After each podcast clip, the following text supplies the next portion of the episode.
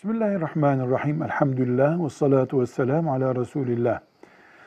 İslam tarihi için kullanılan hicret takvimi Resulullah sallallahu aleyhi ve sellem Efendimizin Mekke'den Medine'ye hicretinin başlangıç alındığı bir takvimdir.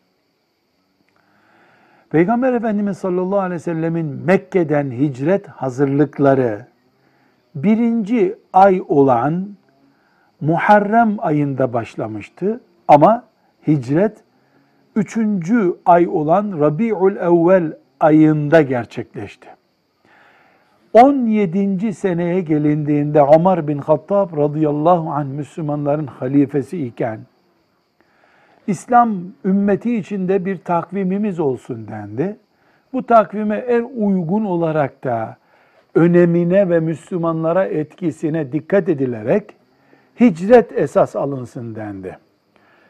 Muharrem ayı hicret hazırlıklarının başladığı ay olduğu için de Muharrem ayı bir dendi. O şekilde hicretin birinci senesi Muharrem'in birinci gününden başlatılmış oldu. Allahu Teala bu çalışmayı yapan ashab-ı kiramdan razı olsun. Bizi de takvimimize kavuştursun. Velhamdülillahi Rabbil Alemin.